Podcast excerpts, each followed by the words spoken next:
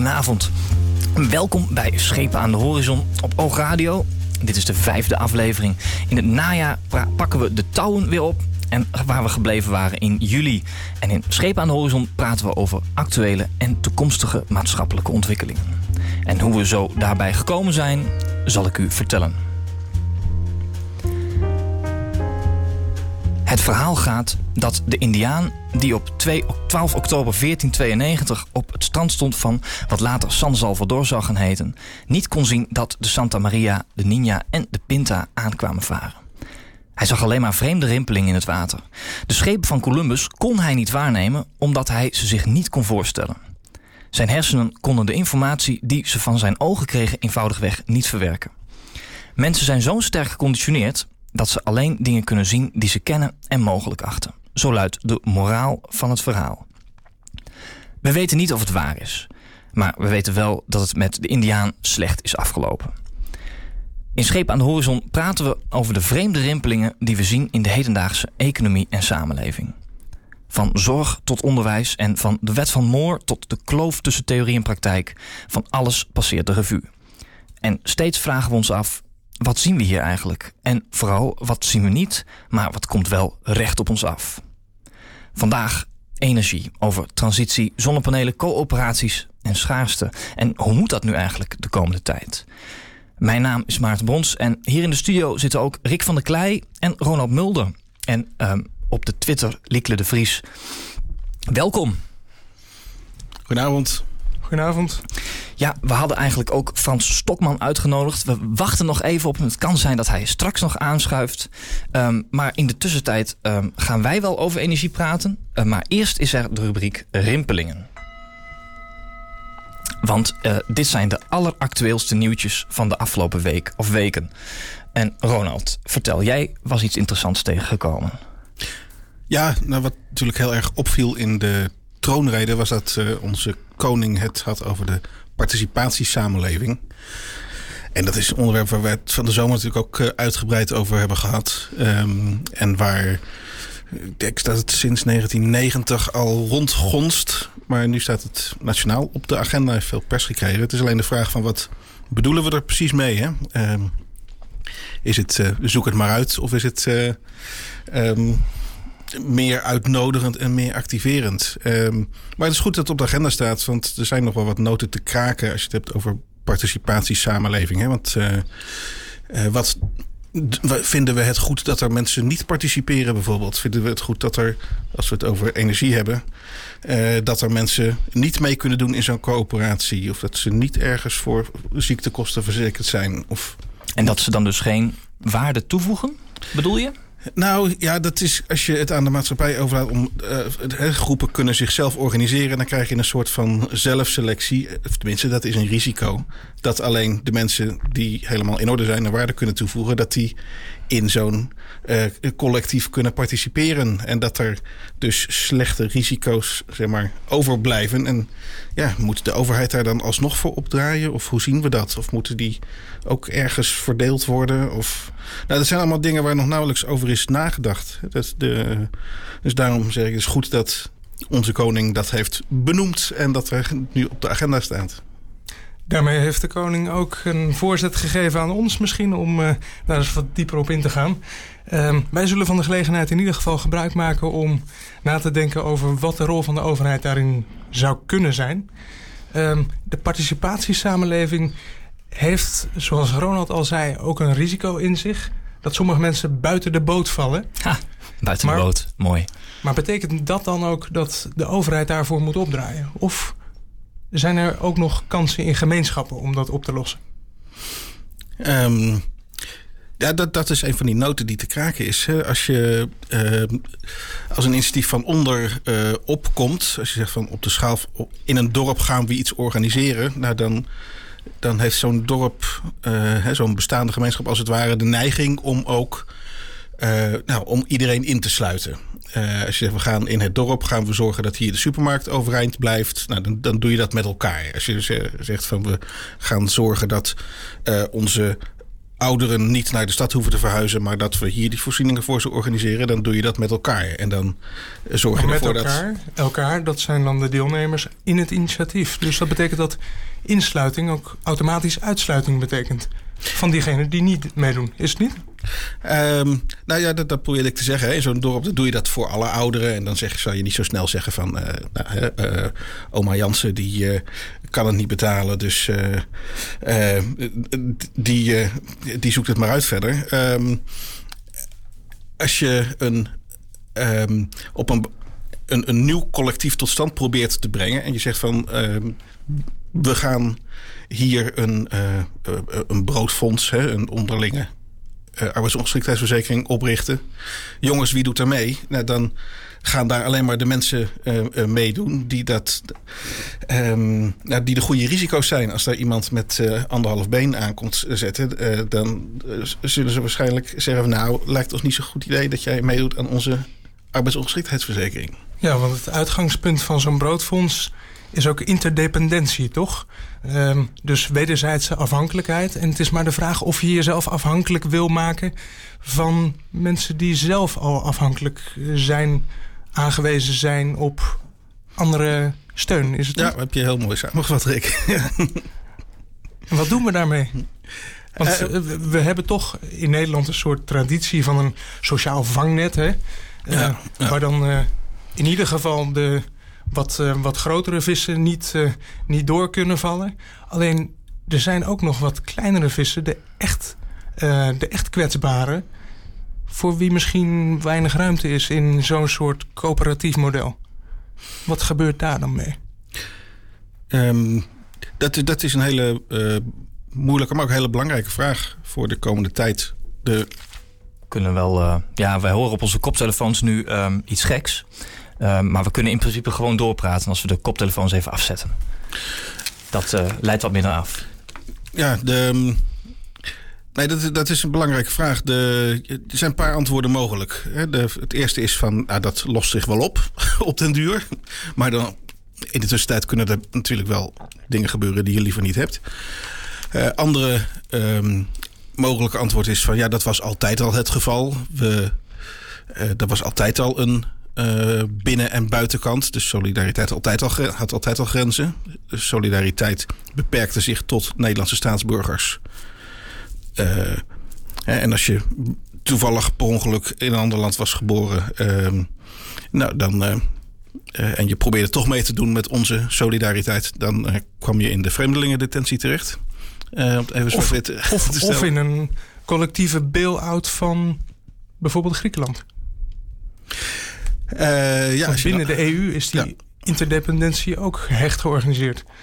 Ja, dan maak je het wel weer heel ingewikkeld. maar dat uh, klopt.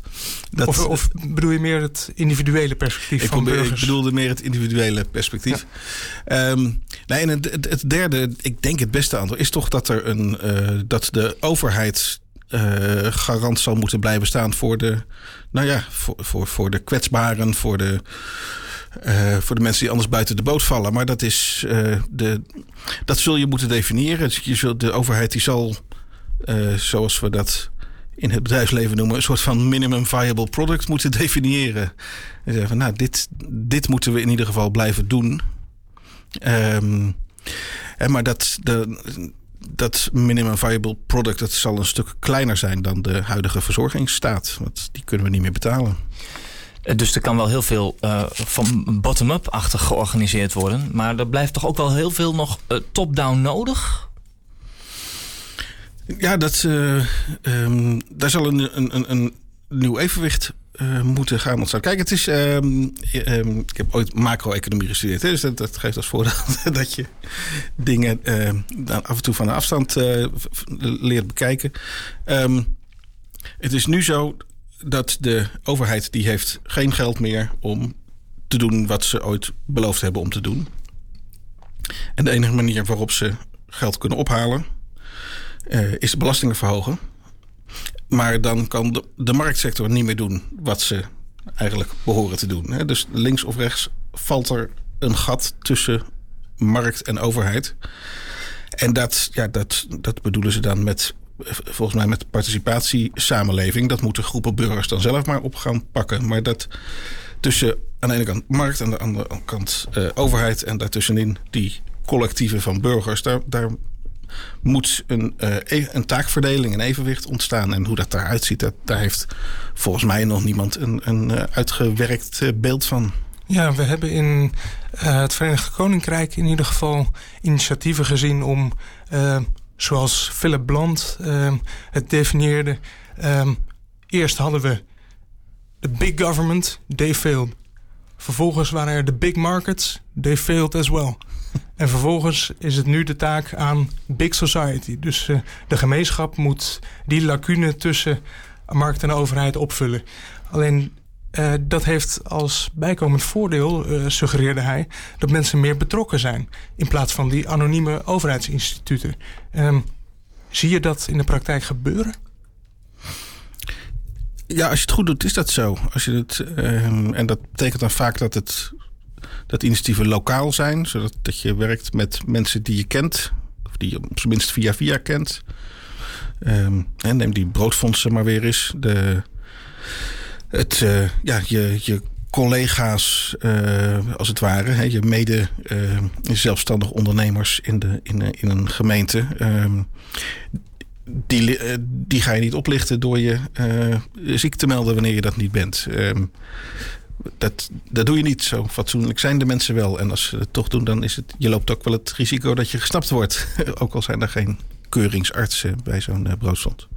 Um, dus de, ja, de betrokkenheid is, dat kan groter zijn. Maar um, ja, aan de andere kant, de energie was een beetje voor vanavond het thema. Dat is toch een uh, een tak van sport waar schaalvoordelen nog wel degelijk een rol spelen. Hè? Dus al te klein en al te plaatselijk kan het ook niet zijn, volgens mij.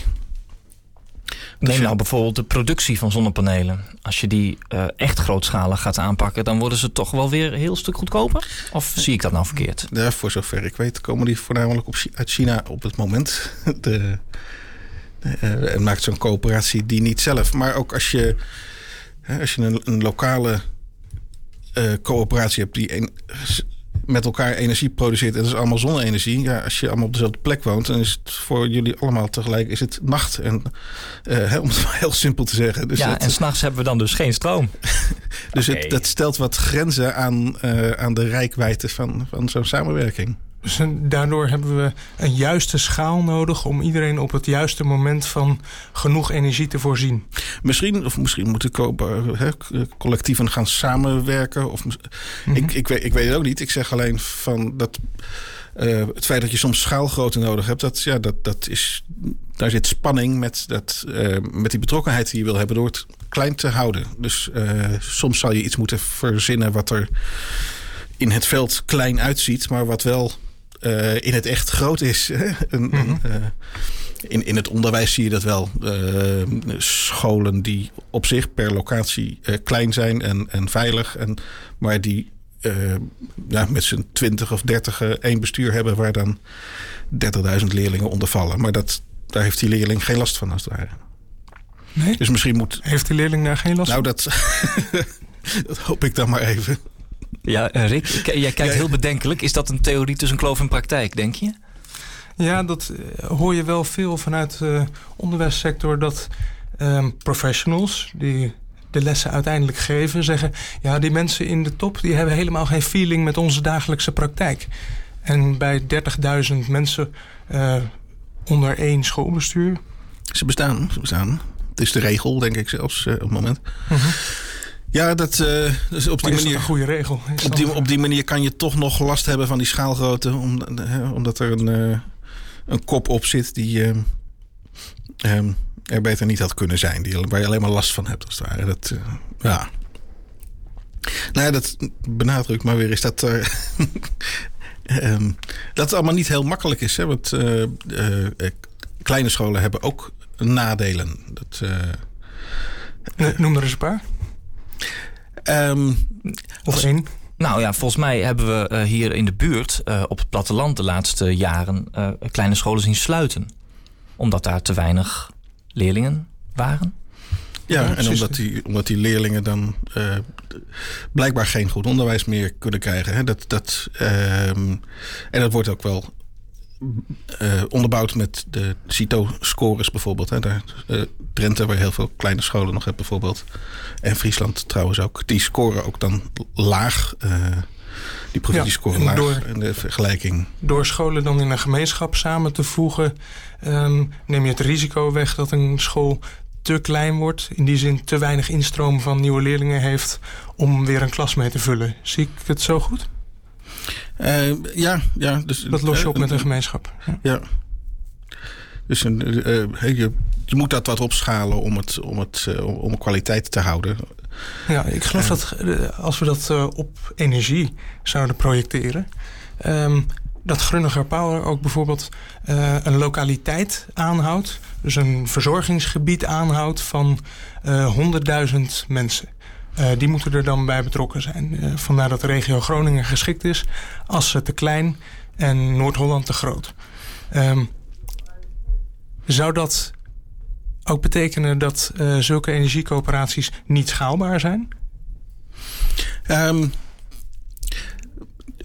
schaalbaar, ja, dat kan altijd op, op, op meerdere manieren. Hè. Je kan eh, schalen met nog 10.000 erbij, nog 10.000 erbij, nog 10.000 erbij. Of je kan het zeg maar meer uh, klonen. Dat je zegt van, nou, we hebben er hier, hier 100.000 in Groningen. Dat is een mooie hoeveelheid. Laten we nu regio Leeuwarden, Heerenveen, weet ik veel. Dat zal samen ook wel 100.000 huishoudens zijn. Um, daar doen we net zoiets. En dan heb je dus niet één club die twee keer zo groot is, maar dan heb je twee clubs van die omvang.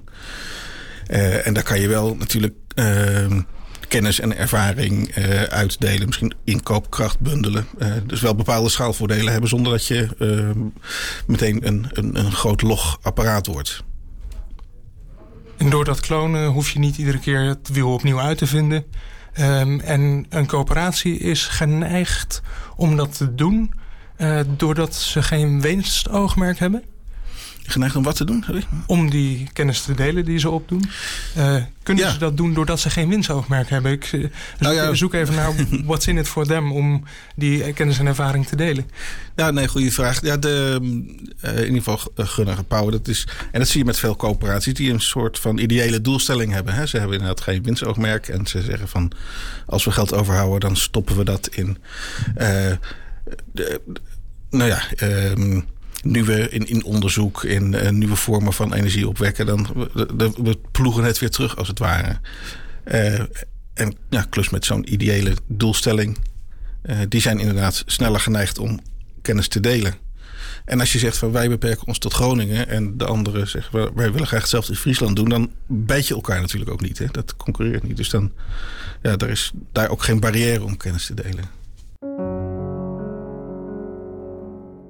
Welkom terug bij Schepen aan de Horizon. Mijn naam is Maarten Brons en vanavond praat ik met Rick van der Klei en Ronald Mulder over energie en coöperaties en hoe dat nou zo uh, ja, in de nabije toekomst kan.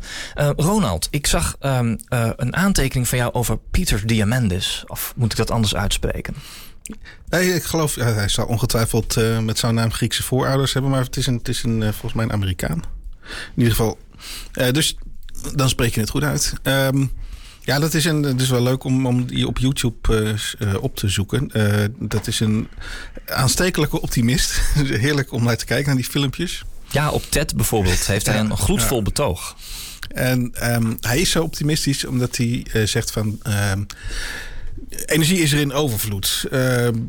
de zon die schijnt de hele tijd. Hè, en en zonnepanelen die worden eigenlijk zo snel beter en eh, goedkoper. Eh, wat je in de afgelopen 30 jaar met, met uh, hoe noem je het, chips, microprocessors ja. hebt gehad. De, de wet van Moore. Elk, de wet van Moore. Elke anderhalf jaar werden ze tien keer zo krachtig en twee keer zo goedkoop. Of andersom. Ik weet het, ja, en het aantal schakelingen per vierkante centimeter verdubbelt elke zoveel maanden. -mm. Dat zoeken we op. Ja. Dus nou ja, in ieder geval, hè, de telefoon die je nu in je zak hebt, die heeft net zoveel rekenkracht als alle computers op de hele wereld van 30 jaar geleden, zoiets. Um, dat... Dus dat betekent dat de verandering uh, niet lineair is, nee, maar, maar, exponentieel. Precies, ja. En, dat, en hij zegt van nou, dat, dat, iets dergelijks zie je met, uh, zie je met uh, zonnepanelen. Met fotovoltaïsche cellen. Um, dus binnenkort komen we in een situatie, hij zegt echt binnenkort, dat, dat energie overvloedig is. Dat het heel goedkoop is, dat het bijna gratis is. We zetten overal van die zonnepanelen neer en hebben we energie zat. En als je genoeg energie hebt, dan heb je ook genoeg drinkwater. Want oceanen zitten vol met zout water. En als je uh, goedkope stroom hebt, dan kan je, die, uh, uh, kan je daar zoetwater van maken met elektrolyse, denk ik. Ik weet niet, de scheikunde was niet mijn sterkste vak. Maar, um, en als je genoeg zoet water hebt, dan heb je ook het wereldvoedselprobleem opgelost. Want dan kan je de Sahara irrigeren, bij wijze van spreken. Um, en zegt hij, dat, dat, dat zit er allemaal aan te komen. Energie, dat wordt overvloedig. En, um, um, en de, de, alle grote wereldproblemen zijn dan uh, oplosbaar. Maar uh, van waar je vraag? Oh, ik dacht, uh, dit lijkt mij een hele aardige katapult in het tweede gedeelte van dit uur. Want uh, ja, voor uh, Clint Mansell uh, hadden we het even kort over ehm, coöperaties en, en hoe we in kleinere vormen kunnen samenwerken. samenwerken sorry. Um, ik, we hebben zojuist tijdens het liedje geconstateerd dat onze gast van Stokman nog niet gearriveerd is. Um, dus ja, ik denk, laat ik een handvat, een, een kapstok zoeken om ja, dit tweede blokje mee in te luiden. Ja, nou ja, ik ben natuurlijk geen energie-expert, maar energie is wel een mooie, uh, uh, een mooie casus om, om te illustreren waar we het net over hadden. Hè? Ik, ik zei van de. Er zal een nieuw evenwicht moeten ontstaan, een taakverdeling tussen markt, overheid en nou ja, iets ertussenin wat aan het opkomen is. Uh, coöperatieven, coöperaties, samenwerkende groepen burgers.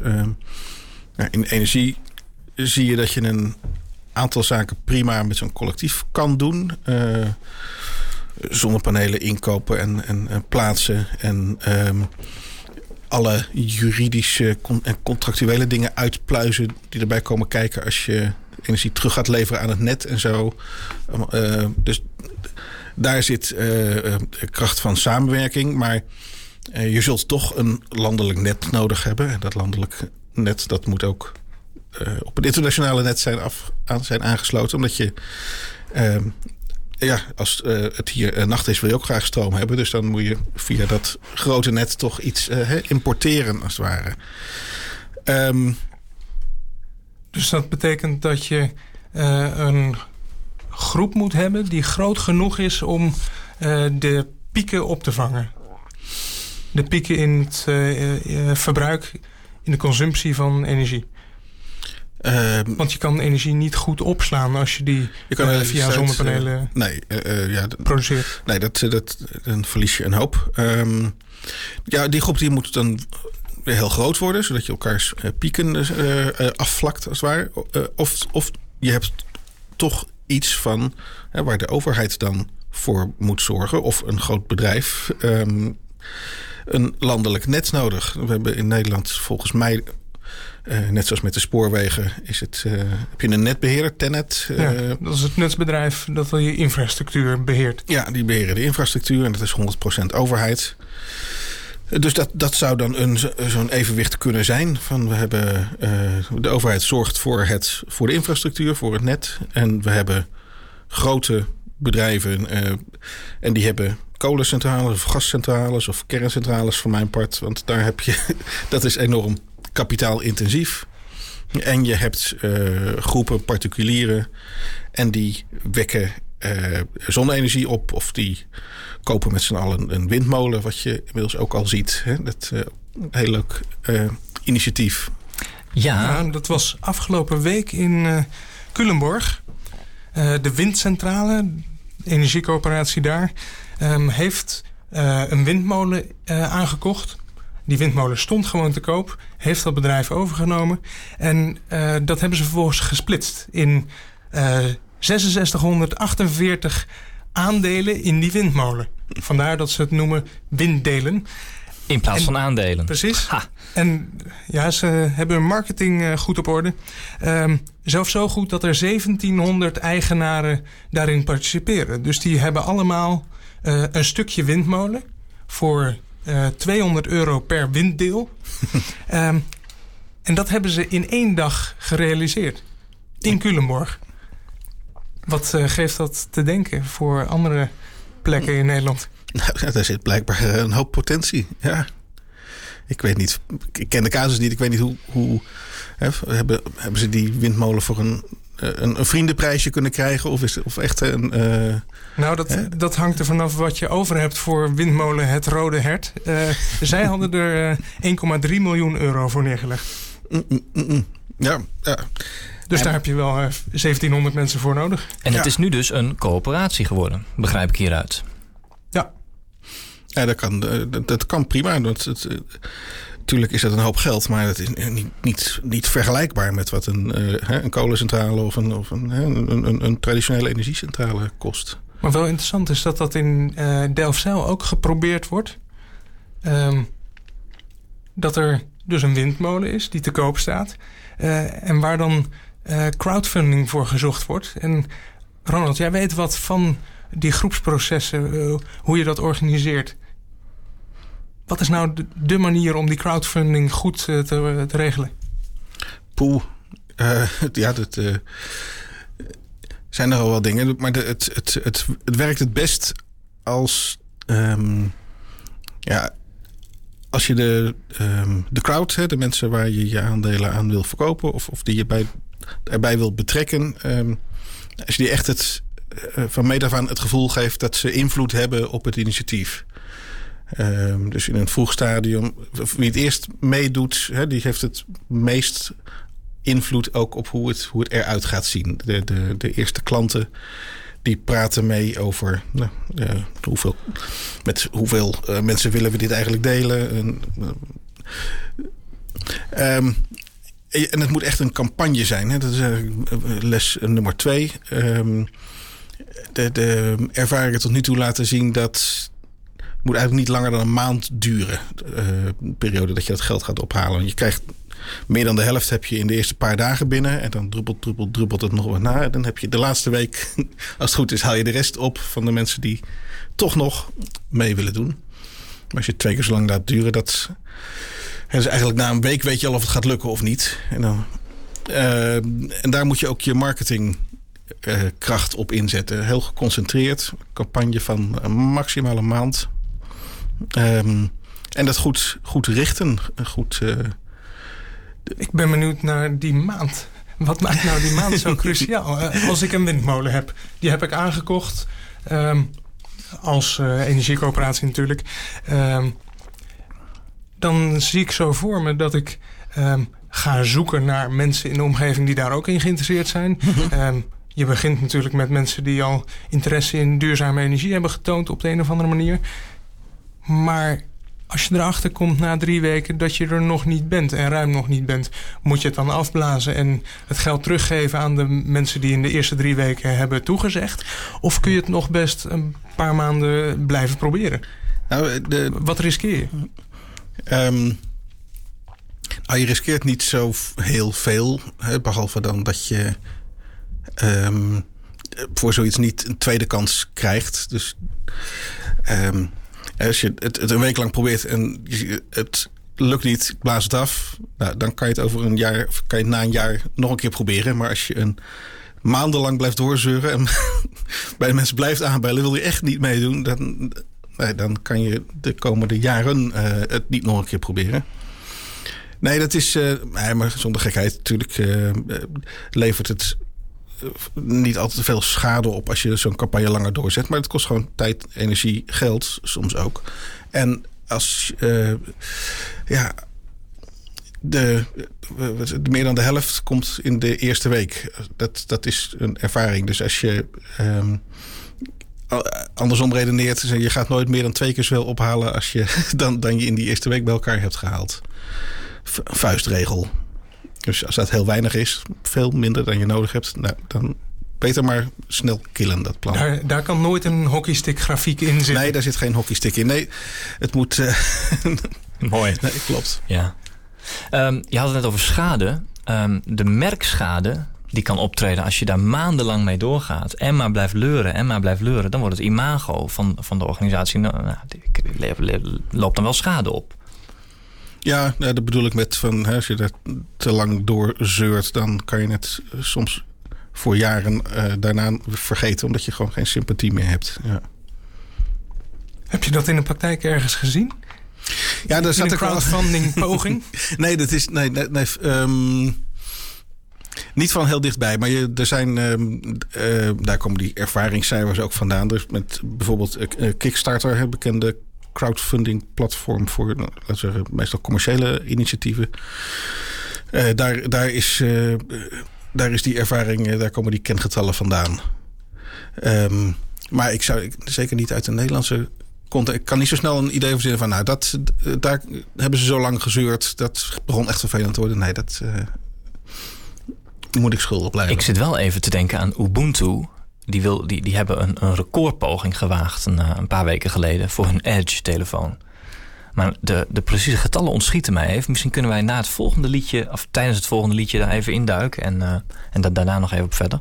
Ehm, willen we nu al dat liedje draaien? Of moeten we hier nog even op door? Ik kijk eh, Rick en Ronald even aan. Nou, misschien nog eventjes eh, ehm, over de, als illustratie van hoe dat je goed moet nadenken over die taakverdeling tussen overheid, markt, eh, collectieven. Ehm, ik las van de week dat eh Tenet, waar we het net over hadden, eh 100% staatsbedrijf, de netbeheerder in Nederland, dat die nu in geldnood zit. Hè, dat er wordt nagedacht over gaan we dat privatiseren of deels privatiseren om geld op te halen. Of gaan we er 600 miljoen hebben ze ongeveer nodig. Nou, dat is in deze Dat is- tijd, ja, in dat deze is nogal tijden een is dat lastig. Dat is eh, ja, 10% van wat eh, het kabinet wil eh, ombuigen dit jaar. Dus eh minister Waarom, Dijsselbloem... waarom heeft Tennet dat bedrag nodig? Nou, dat is 600 miljoen euro. Ja. Ehm, dat, is, dat is het rare in het verhaal. Dat hebben ze nodig omdat eh, de benodigde investeringen in het Duitse net... en met name de ehm, verbinding tussen Duitse windparken en het Duitse vasteland... duurder uitvallen dan ze geraamd hadden. Blijkt dat in 2010 iemand het een goed idee heeft gevonden... dat Tennet, de Nederlandse netbeheerder... een heel stuk Duits elektriciteitsnet eh, overnam. Ehm Annexeerde. Nee, daar, daar hebben ze ook een paar honderd miljoen voor betaald. Maar dat, eh, dat, iemand vond dat een goed idee. Eh, want dat zou wel renderen. Nou, dat blijkt niet te renderen. Blijkt dat daar eh, meer geld in moet om het te laten werken. En dat geld is er nou even niet. En dat is typisch zo'n voorbeeld van... Ja, denk, eh, denk nou even na. Is dit een overheidsbedrijf dat het Nederlandse net moet onderhouden? Of, of, is, of is het iets wat geld moet opleveren? Dat is... nogal wat anders. En als je over dat soort dingen niet in staat bent goed na te denken, dan kan je het beter maar niet over participatiesamenleving hebben. Zo. Maar wat bezielt een Nederlands nutsbedrijf überhaupt om nutsvoorzieningen Ja, in een ander land over te nemen? ja. eh, dat, vro- dat vroeg ik dus ook. Vertwijfeling alom. Volgens mij is het... Ja? Nee? Nee, dus ja? een- Daar, eh, horen we, daar horen we graag eh, Tennet een keer over. Ja, Wij kunnen- maken mental notes eh, voor volgende gasten, denk ik. Ja, dan kunnen we een keer een heel uur besteden aan eh, dat soort dingen.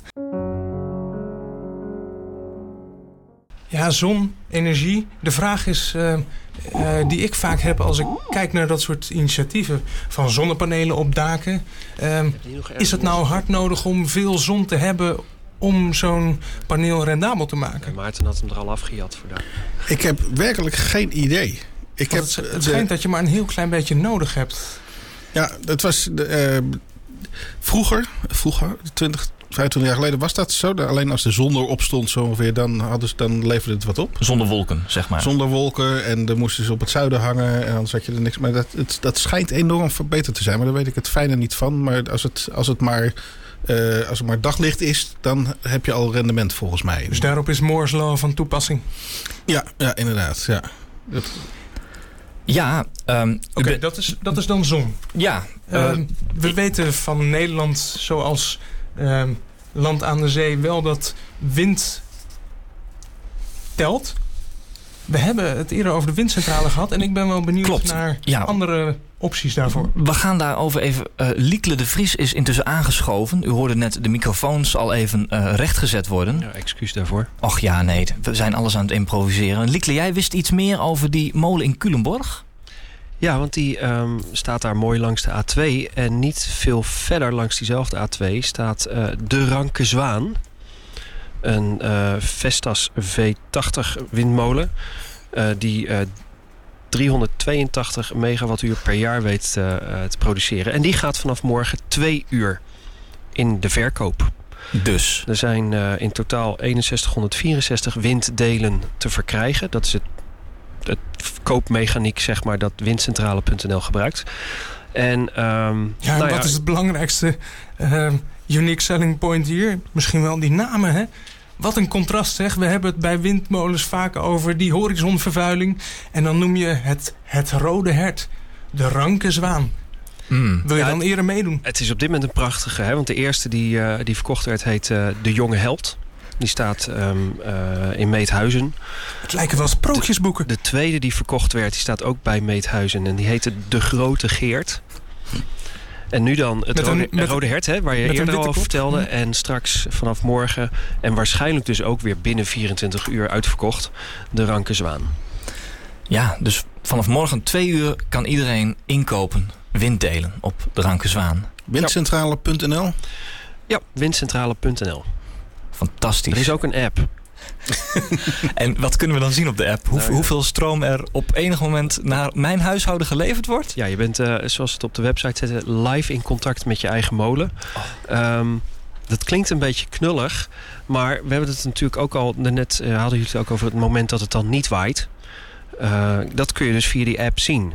Um, zeker als je elders in het land gevestigd bent, uh, maar bij deze windmolen toevallig je, je, stroom haalt, dan kun je via de app zien of die eigenlijk draait, welk vermogen die oplevert. En als hij niet draait, dan uh, wordt jouw stroombehoefte gewoon netjes afgevangen door Green Choice. Ik ga de naam niet nog een keer halen, want we maken genoeg reclame, denk ik. Ja, maar, nou ja. Um, je, zit, je, zit, dus nooit zonder. Maar de app stelt je in staat om te zien uh, hoeveel jouw molen allemaal produceert. En uh, mogelijkerwijs ook uh, um, nog andere nieuwtjes later. Maar op dit moment is dat het vooral.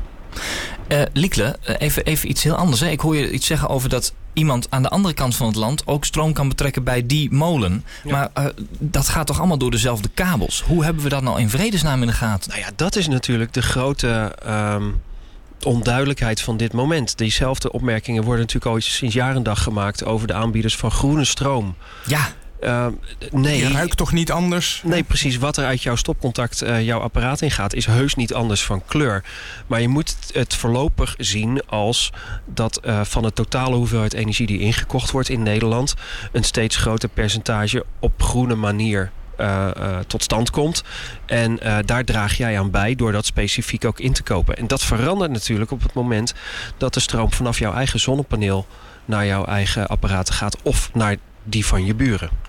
Want dan weet je zeker dat het zonne-energie is. Exact, man. Dan is, en het, dan... is het niet alleen nog maar boekhoudkundig zo. Nee. Maar, maar dan weet je ook zeker zo. dat hij in je eigen achtertuin staat. Precies. Um, terwijl het principe bij veel uh, bewoners bij allerlei collectieve voorzieningen is... not in my backyard.